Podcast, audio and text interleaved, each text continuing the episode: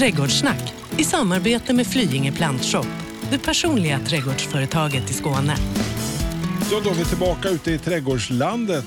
Hasse Strandberg och Annika Sjölin från Flyinge Plantshop. Vi försöker eh, lära dig som eh, är lite nyfiken på vad du kan göra och som kanske har en ny trädgård eller är en trädgårdsentusiast och behöver ja, få lite uppdatering kan man säga. Så så är det. Eh, Ja, förra veckan så höll vi på och jordförbättrade och vi gödslade och vi pratade om olvon i olika format som veckans växtporträtt. Den här veckan så tar vi fram lilla fröpåsen. Det är du. Ja, Ja, det, för- det, det kändes nästan lite när du sa så att... eh, för- får höra. Hur låter de? Caracas. Heter det Marac- Caracas eller vad? men det, de, Caracas är något det, helt annat. det är någon ort tror jag. så här, Men, men, men vilket fall, alltså där, vi är alla ett frö i början. Det lät Åh. nästan som man var i kyrkans ungdom eller konfirmations, här, söndagsskolan. Ja, men det, alltså, det är någonting i det här med att man är ung och att man inte tål vad som helst och så. Så, så kan man tänka kring fröer. Eh, ju, apropå gödning från förra gången då. Att var inte, ha inte för näringsrik jord och så när man ska direkt så. Alltså så direkt i den jorden som du nu har. Den behöver man liksom inte gödsla upp jättemycket för att så. Om man har grundgödslat som jag pratade om förra gången då så eh, Låt jorden liksom vila en vecka eller två innan du sen direkt sår. Och när jag menar direkt så, det är ju när man inte först sår i ett såbrett och så pricklar man ut plantor i en kruka och håller på. Utan nu går vi direkt ut i grönsakslandet eller vad vi nu, vilket land vi nu Och vill huttar ut lite frön. och sår. Sår var ordet. Ja. Och eh, nu pratar vi alltså direkt så kontra eh, det man kanske har gjort här nu under någon månad eller två. Eller Ja. så, eh, inomhus. Precis. eh, De här små, kanske, vad heter nu, vad heter de här? Tomaterna Ja, kanske? till exempel de små pyttekrukorna, de här som man tillsätter lite vatten som de växer upp och blir en liten minikruka i Ja, sig. ja, ja. ja. Jiffy, heter de Jiffy, inte så? precis. Just ja. det, Jiffy-krukor. Ja, Ja. chili Ja. för något år, sedan- något år sedan. just det, du gillar chili. Just det rusar jag också. Så så är det. Så att vi idag så tar vi direkt eh, sår. Ja. Och jag tycker det är jätteknepigt Annika när man står där med de här påsarna. Man blir jätteentusiastisk, man Ja. ska ut och odla, det börjar bli lite varmt. Och så läsa det här kyrilliska alfabetet som är bak på påsen. Förutom att man har blivit några år äldre så att man får, får man ta fram förstoringsglaset för att läsa den här pyttetexten. Ja, och jag tycker det är jätteroligt. Jag känner mig så jättegammal då, för jag är ju ännu äldre och jag tycker det är vansinnigt svårt att, att läsa pyttetext. Men vet du vad, du ska lära dig ett trick. Jag brukar ta telefonen och vet inte om du har en sån där som du kan fota med Annika. Nej. Men vet, fota, fota av den så kan man förstora upp så här i texten. Ofta när jag går ut och man ska läsa vad något innehåller i butiken. Parentes, Ja. vi kommer från ämnet här lite Ja. grann. Men alltså, det finns ju massor som man kan eh, direkt så då. Och nu måste vi ju ändå titta på påsarna då. Men, men vad? Alltså självklart många olika sorters grönsaker. Man kan direkt så kryddor och man kan direkt så sommarblommor, gröngödslingsväxter som man sen hugger ner och så. Alltså allt möjligt, högt och lågt. Och, eh, jag tycker det är lite extra kul eh, det jag gjorde förr i tiden och det var att så sommarblommor där jag inte såg dem så ofta egentligen men jag plockade. Det var eh, väldigt uppskattat och folk tyckte man var hur gullig som helst när man kom med egenplockade sommarblommor i små buketter när man var bortbjuden och så. Alltså så ambitiös behöver man väl inte vara men man, att använda det så för inte helt sällan får jag ju frågan i plantskolan eller önskemålet att man ska göra en perennrabatt som man ska gå och plocka ifrån. Och det, det kan man ju göra, men ibland är det lite synd. Men att så lite olika sommarblommor, alltså man kan ju bestämma sig för att man ska göra en rosa rabatt med sommarblommor. De är ju lite eldigt förbrukning och förgängliga på något ja, vis. och så kan man ta hur mycket som helst och det gör ingenting för de ska liksom inte leva kvar där. Medan om man plockar mycket på sina pioner eller något annat som är perenn så kan man plåga dem lite för mycket om man liksom, mm, skördar mer än vad man kanske borde. Något jag tycker är lite det knepigaste, det, är, det kanske vi kommer komma till, men det är just den här mängden med frön. För det står ju så väldigt ofta att det ska vara så här långt emellan de här Ja. Mm. små fröna och det ska vara så här djupt. Det är ju en Tar hel du veten. tumstocken då eller? Ja, ibland så har jag faktiskt ett litet måttband så jag försöker liksom hitta någon så lite Någon sån preussiskt, en Ja. rak linje. Så. egentligen, alltså, nu drev jag lite med dig, det var inte så snällt, men det är ju faktiskt rätt bra att mäta upp upp, låt oss säga att det nu står på fröpåsen att nu räcker det här till 3 till 5 streckmeter eller så. Eh, för när man tittar i näven då när man har hällt ut alla de här fröna ur påsen ja. i, i handen så ser man ju att oj, det var inte så många och så ska de stå på, på liksom hela den här sträckan så att man ja, strösslar ut dem eh, på lagom eh, yta då. Men, Men du, du strösslar verkligen ut dem alltså så bara? Ja, det beror ju på. Eller alltså, tar de så... en och en? Nej, alltså jag, nej, det är nog någon slags liten så. Eh, beror på vad det är för frö ju. Men ibland så har jag dem bara mellan fingrarna, liksom, i näven och så mellanfingret så gnuggar jag lite så och så ploppar det ner lite De fördelar sig lite så lagom? Ärtor eh, till exempel så tar jag ju dem en och en och mm. pluttar ut dem på rätt avstånd och sådär. Men innan man kommer dit så finns det ju ett par saker som man nog kan eh, göra kanske. Till exempel? Till exempel. Oavsett om vi ska så sommarblommor eller eh, nu ska vi göra ett grönsaksland eller vad vi vill så är det smart att eh, rensa. Oh, då är det det här med luket oh, igen. Vad oh, vad tradigt det är. Bort med rotogräset. Alltså typ eh, kirskål, kvickrot, nällor och sånt. Alltså se till att bli av med det för man vinner så himla mycket på det. Eh, att åtminstone inte ha det det är de som liksom bor kvar i jorden, är perenner. Medan mycket av det som sår sig och bara lever ett år, alltså det är inte lika besvärligt att rensa då. Sen är det smart att jämna till den här ytan som vi nu ska så på så att den inte liknar en puckelpist. För då är det ju risk för att fröna liksom rullar och flyttar sig och så.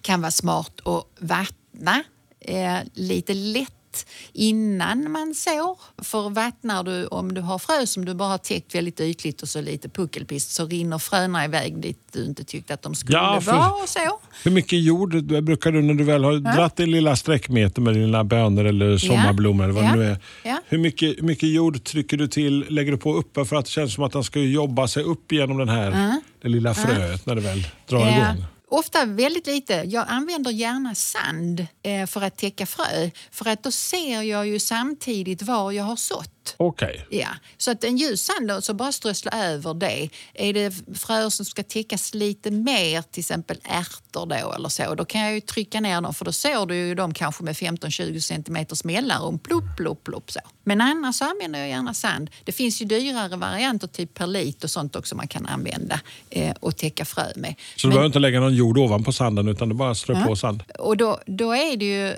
alltså du kan strössla ut jord också om du liksom eh, drar det i näven så att det finfördelas lite grann. Ja. Men då ser man ju inte riktigt var man har sått alla gånger. Och är man inte noga med att så vare sig rakt eller sätta etiketter så är det ett bra sätt att komma ihåg. Man kan också så i rädisor bredvid eller mellan för de kommer upp rackans kvickt. Så det finns lite sådana tricks som man kan använda sig av. Men då var vi inne på, eh, då såg vi redan. På vissa fröpåsar så står det också att man kan blötlägga frö. Ja. Ja. Behöver man det för att de ska gå? Nej. Men man skyndar på det här groendet. Men vem har bråttom? Nej, och vad skönt att du sa det. tycker jag om dig för. jag har försökt lära mig det lite grann under hela förra året. Det ska inte gå i turbo, Hans Ivar. Nej. Nej, man ska, ha, man, man ska njuta av det man gör. Det är därför jag ligger och kryper och tittar liksom nära och så. Så går det så långsamt. Jag mår bra av det, måste jag säga. En annan sak som man kan förse sig med det är fiberduk. Ja, men behövs den verkligen innan man precis har sått de små fröna eller för att undvika i, att pjoddarna tar och... Ja, ibland så kan man få en sån liten duvinvasion eller något annat när man har sått ärtor eller så och så snor de eh, fröet. Så att, ja, det kan vara, kan vara bra för vissa. Så jag har ju alltid fiberduk. Kan man sitta med luftgeväret på översta våningen också och pricka duvor också om man vill. Det var bara ett tips för någon det som, du, det tyckte du var en bra idé. som var lite mer brutal. Om man inte har råd med fiberduk så kanske man har ett gammalt luftgevär liggande.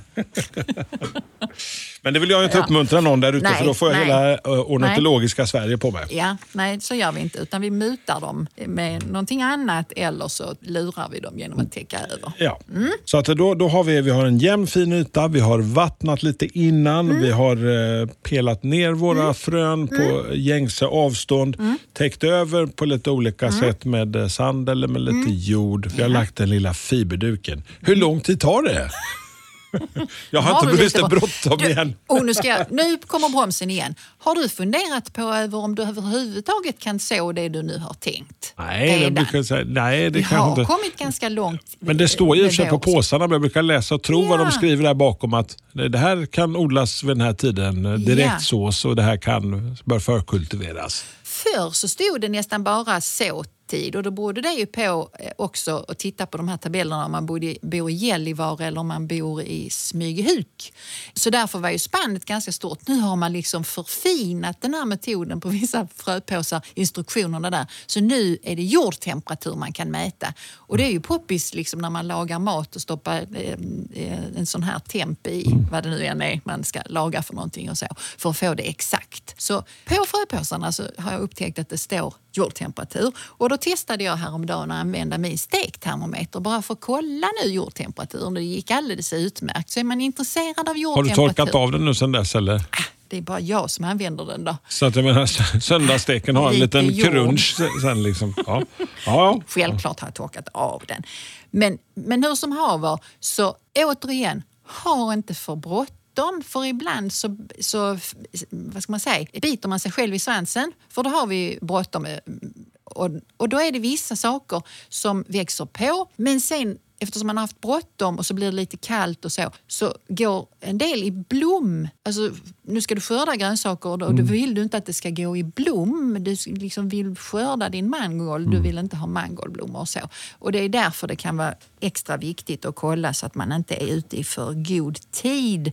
Så ärtorna är kanske i jorden eh, redan sedan flera veckor, men bönorna vill ha det betydligt varmare. Så att det kan man vänta med och så mät då med den lilla stektermometern, ja. eller gå på känn vilket har fungerat ganska bra för men inte bråttom. Hur mycket behöver man så här, vattna? För det är klart det kan vara blåsiga vårar i Skåne även om du har lagt en lilla fiberduk och vi har Mm. hållit borta duvorna och allt annat otyg som flyger och far Mm. runt där.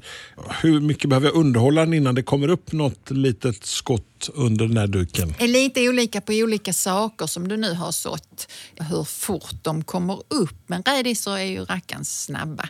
Och på en lättare jord självklart så behöver du vattna oftare men så länge fröet är litet så räcker ju den här fukten som du gav den i början och så spricker det upp och så börjar det liksom stoppa ner en liten eh, rotsak neråt och sen börjar det växa uppåt då.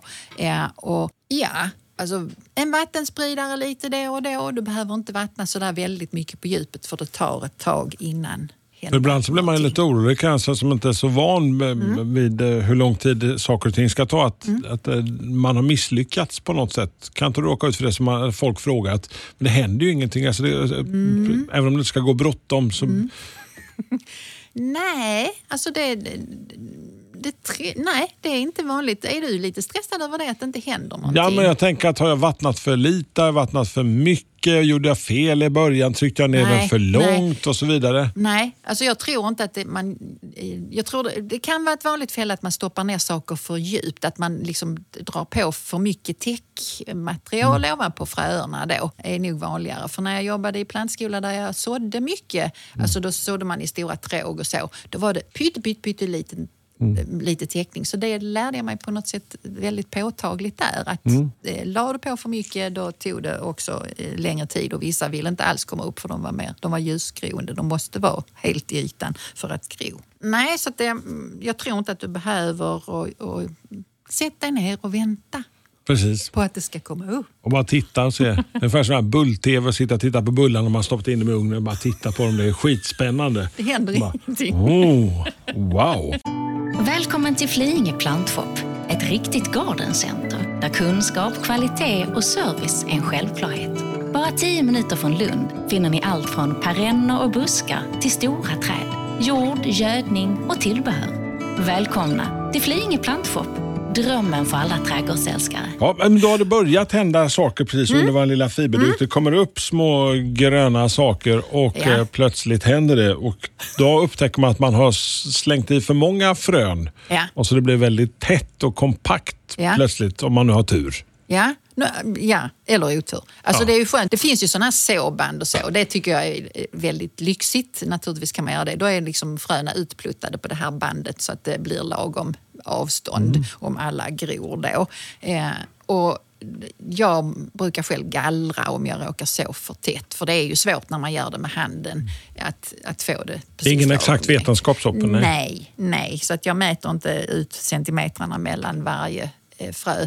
Men när jag gallrar så kan man antingen ta en sax och bara klippa eh, liksom nära marken eller så sätter jag fingrarna på sidan om den plantan som jag nu vill behålla och så drar jag upp eh, bredvid. Lite beroende på vad man har för jord och hur lätt det är att dra upp rötterna. För man vill inte förstöra rötterna på den lilla stackaren som nu ska vara kvar. Nej. Den ska man vara rädd om. Så att vi har gallrat, vi har klippt och vi har börjat få lite fart och svung och så plötsligt så blir det lite varmare och då kommer de små busfröna och ogräsen in och tar sig in och invaderar. Ja, och har man nu lite tur och man har rensat bort rotogräset innan så har man, och det här som har överlevt, alltså ettåringar som har överlevt på vintern, så räcker det ofta att du skifflar liksom mellan gångarna då. Att du, inte, du behöver inte in mellan de små nya plantorna direkt för då ruckar du lite runt rötterna. lite grann försiktigt. Utan skiffla där emellan raderna och sen så hoppas vi nu att de här fröerna du har sett, de har ändå så pass mycket övertag så att de ska klara sig genom att du har ogräsfritt på sidorna.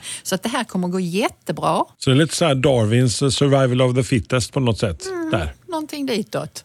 Man får gynna dem som man vill ha. Ja. Och sen så kan man missgynna dem man nu inte vill ha. Nu slår jag näven i bordet. Ja, nu blir du förbannad. Mm, för sånt som man inte vill ha, det är ju nässlor eller nällor. Det vill jag kanske ha på tomten för att de är bra för fjärilar och, och, så. Men- Kirskål. Ja, alltså samma sak. Blomningen är säkert de som gillar, men jag vill inte ha, alltså jag vill inte ha det i mitt grönsaksland eller i min, i min eh, odling av sommarblommor eller så. Så har man det på tomten, så fine, det har de flesta. Men klipp då bort blommorna så att de inte får chans att fröså sig, för det, då hoppar det ju frö här och tvärs och så har man dem i alla fall i grönsakslandet nästa Och sen är ju kirskålen också känd som en liten pensionsförsäkring för man kan nämligen sälja den till den lokala eh, trendiga krogen som börjar använda kirskål. De är lite dyrare, finare som får Michelinstjärnor. Hur tror du kirskålsmarknaden kommer att se ut? Ja, Om, men om alla kanske- gör det. Alla har ju kirskål. Ja, men alla är kanske inte lika ambitiösa så att du kan erbjuda att ta hand om. Så, så har du ungarnas eh, sommarjobb är fixat. Ut och sälj kirskål på torget. Ja, du är, alltså, hur gamla är dina barn? Ja, de är 16 och snart 13 så det är skitbra. Mm, då kan du skicka ut dem och så kan de fixa det. Men okej, vi har eh, rensat ut våra näller, vi har eh, hållit tuktat våran kirskål och klippt bort de små blommorna. Vad är det mer som kan hända som vi bör ta hand om innan vi har en full rabatt med bönor eller sommarblommor? Nu gillar du ju bönor och ärtor så. Ja. Eh, ja. Har du då funderat över eh, om du ska ha höga störbönor eller om du har sått eh, låga? Eller hur har du? Jag brukar ha sådana så jag får stötta upp dem lite grann med små blomsterpinnar så Ja. att de har, kan börja klättra upp som Jack och bönstjälken. Ja, för vill man ha det så ska man ju göra det i god tid så man inte liksom har plantorna först längs marken och sen så ska man ha jättebry med att försöka Lära dem att de ska ut klättra. dem. Ja, ja. Utan sätt eh, eventuella stöd och sånt på plats nu då eh, när plantorna har kommit upp. Så kommer de naturligt ta sig upp där. Ja, så kanske de hittar. Annars får man väl hjälpa dem lite grann på vägen då. Så att, eh, där har vi det som komma skall och vad vi ska få ut av den här lilla frösådden. Och då tänker jag så här, vi är nu en bit in mot maj månad. Vi börjar närma oss maj månad. Vad är det för något vi pysslar med i trädgården nu? Förutom då har gjort vår direktsådd eventuellt. Vi kan eh, börja eh, gödsla, kanske gräsmattan. Den ska vi för övrigt prata om nästa gång.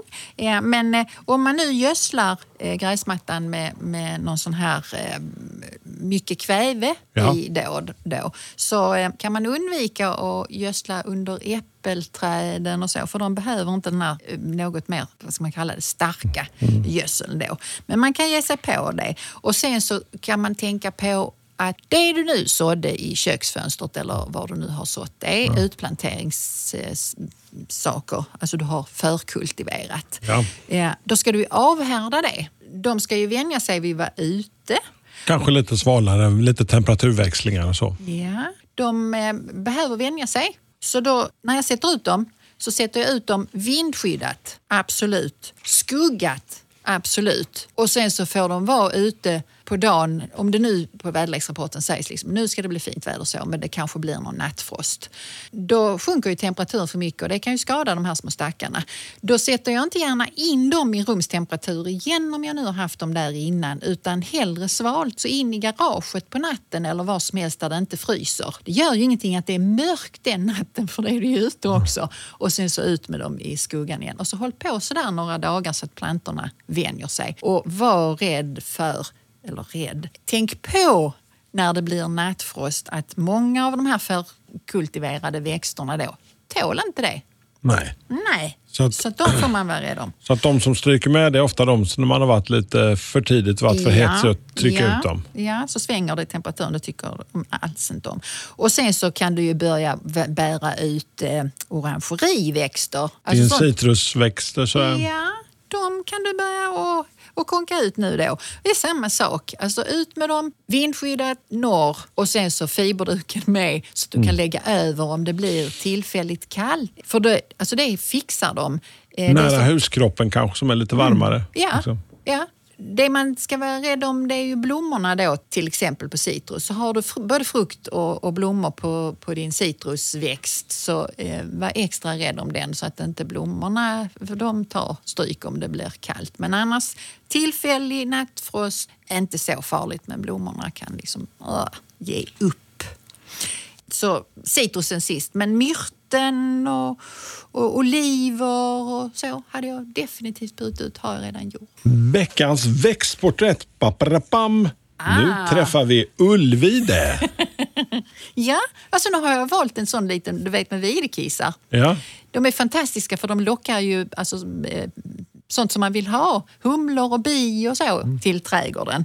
Eh, och just ullviden är en av många som har såna här olika videkisar. Det finns de mest fantasifulla också som har svarta videkisar, som har rosa videkisar och så. Men ullviden, lite åt det gula hållet.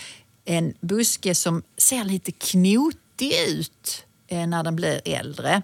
Den är inte sådär jättesäker på hur hög den vill bli men någonstans strax under metern upp till två meter. Där kan man förvänta sig en rätt så utbredd, eh, rundad buske som fäller löven på vintern. Och så har den som ludna blad. Alltså, Nästan som är- lammöron eller? Ja, lite grå, gråaktig. Och det signalerar för mig, de som ja, till exempel lammöron eller, eller så, sådana som är lite ludna, de tål ofta alltså, lite torrare, lite strandnära lägen, vind ganska bra och så. Så den signalerar strand för mig. Så när jag nu pratade om woodland eh, förra gången så är detta mer strandmiljö i min hjärna då där ullviden skulle kunna passa in. När odlar man dem om man nu ska börja och sätta en liten ullvide i sin lilla trädgård? Den kan du sätta i princip när som helst. För de plantorna de är ju krukodlade så de kan hamna i marken alltifrån när tjälen går ur till tjälen går i marken. Och den är lövfällande så den liksom försvarar sig även på vintern mot kylan då. Och de här kisarna då, de kommer ju här i april, maj och så surrar det ofta av humlor i dem. Så tycker de det är jättekul och Ja, pollinera dem som var dag vore den sista. Alltså den här ullviden nu, den vill absolut ha ett soligt läge och den vill ha en väldränerad jord. Den kan till och med vara snudd på torr och den här fixar det i alla fall. Det jag sa om torr, det gäller inte någon växt när den är nyplanterad. Då måste den vattnas regelbundet tills den har eh, etablerat sig. Men det här gråludna som jag sa, mm, det signalerar mm, att den, den, den fixar eh, en sån lite torrare miljö då. Så ska vi ha till några bra grannar då. Och då skulle jag ju kunna tänka mig att jag faktiskt, även om jag sa någonting om strand, så skulle jag nog putta in någon liten lök och då hade det nu blivit krokusar. Ja, den är väl fin vid denna tiden också? Ja, och sen så hade jag använt köpa. Den är ju fridlyst här i Skåne men det finns ju odlade och de får man ju självklart köpa och sätta då. Och de slår ju ut ganska tidigt på våren, små söta blommor och sen så får den fröställningar som liksom ser ut som små tussar i luften sen. Den är jättesöt. Sen plussar vi på ytterligare med humle, biväxter och sådana som kan tänka sig vara där det är lite torrare då. Och då blir det en kantnepeta som heter Walkers Low. Den använder jag gärna, den har jag kanske nämnt någon gång förut. För att få till det här lite strandlika då så hade jag ju till exempel lagt dit i den här kombinationen då lite stora polerade stenar som ser lite så strandaktiga Man kan ju plocka ut. dem på stranden till exempel. Nej, det får man inte heller. Inte utan att fråga markägaren. Men den eh, stora... Så kan man köpa. Så kan man köpa, men om man råkar gå där till exempel eh, nere på Råd där, där vi har, där finns en liten, där brukar barnen gå och plocka såna här små, lite släta stenar. Gjorde när de var lite mindre. Också gjort, Ja. även som vuxen. Men, men det, finns, det finns att köpa. Ja. Och sen så kan man ju putta in någonting mer där som är lite så strandassociation. Så, mm, så några kvadratmeter yta skulle detta kunna bo på och självklart också i en större trädgård. Men gör du en miljö som ser lite strandlik ut så Och så blir plats för en liten brassestol och sen strandraggare i det. Så Ja, så blir det jättebra. Toppen! Ja, men Får jag säga någonting om beskärning också om detta? Hinner jag det idag? Såklart Det är superviktigt. Beskärning då? Ja. Ullvide, alltså den behöver man inte heller beskära så mycket. Men många av de här videsäljarterna och så, de tål ju ganska hård beskärning. Men jag tycker sällan att man behöver göra en hård beskärning. Med ett undantag. Och då måste jag få lov att prata om hängsälj. Även om inte det var det som var växtporträttet. Så är jag nästan så att jag skulle kunna utlysa en tävling om vem som kan hitta en snyggt beskuren hängsälj åt mig. För det är den mest missförstådda växt jag vet. Du vet hur en hängsälj ser ut va? Jag, jag tror det En, måste... en stam så och sen så har man ympat in en liten krona och sen så är det videkisar som hänger som på långa trådar. Ja, just det. Det har man sett i några De trädgårdar. är jättevanliga och det är jättemånga som tycker om dem. Och det gör jag också. Men det är en sån grej. Böj på knäna, titta under till på den och ta bort allting som är dött. För det jag menar med det mest missförstådda av allt, det är när den blir potteklippt och sen så låter man alla de döda grenarna sitta kvar under till och så småningom så blir trädet snett. Ser Och så lite skabbigt ut nästan va? Minst sagt. Och jag, är ju jätteofta ute och åker igenom villakvarter när jag är på mina konsultationer och så. Och jag gjorde ett tag det till en sport att fotografera sådana. Men det kan, man kan ju inte hänga ut folk så. Men det var ju faktiskt komiskt hur otroligt många sådana. Så snälla, beskär era hängsäljar. Gör det gärna nu med detsamma och ta bort allting som är dött under om man kommer ha en väldigt söt hängsälj i framtiden. Detta görs regelbundet. Så blir du lite gladare också när du åker omkring i villakvarteren. Ja, jätteglad. Nästa gång så är det dags att ta sig ut på den lilla gräsmattan eller som du eh, festligt valde att kalla nästa program, full rulle. Eller sakta i backarna för vi ska också ta det lugnt och full rulle. Alltså det kommer att handla om både färdig gräsmatta, alltså det köper man ju på rulle då, kvadratmeterpris på det och så. Och sånt som är sått. Och för att jag är ju inte så, alltså jag skäms inte för min gräsmatta utan jag kan väl säga att jag har inte riktigt någon gräsmatta. Men Gun från Flyinge Plantshop kommer jag ta med mig och hon är jätteduktig på gräs och gräsmatta och så. Så att, eh, jag tar med mig förstärkning nästa gång. Vi eh, har ytterligare ett avsnitt att se fram emot. Alltså de gamla avsnitten de finns fortfarande hela förra säsongen. De började ungefär när vi var vid den här tiden. Så de kan man lyssna med eh, stor behållning förhoppningsvis. Och har man några frågor så ställer man dem gärna via eh, Instagram eller via vår Facebook-sida som är Trädgårdssnack. Så så är det. Trädgårdssnack i samarbete med Flyinge Plantshop, det personliga trädgårdsföretaget i Skåne. Veckans powerdeal hos Swedol. Jalas! Rätt sko för rätt jobb. Alla fötter är olika och alla jobb kräver olika skydd. Jalas har skyddsskorna för dig och ditt jobb. Så den här veckan, välj skyddsskor från Jalas hos Swedol. För säkerhets skull!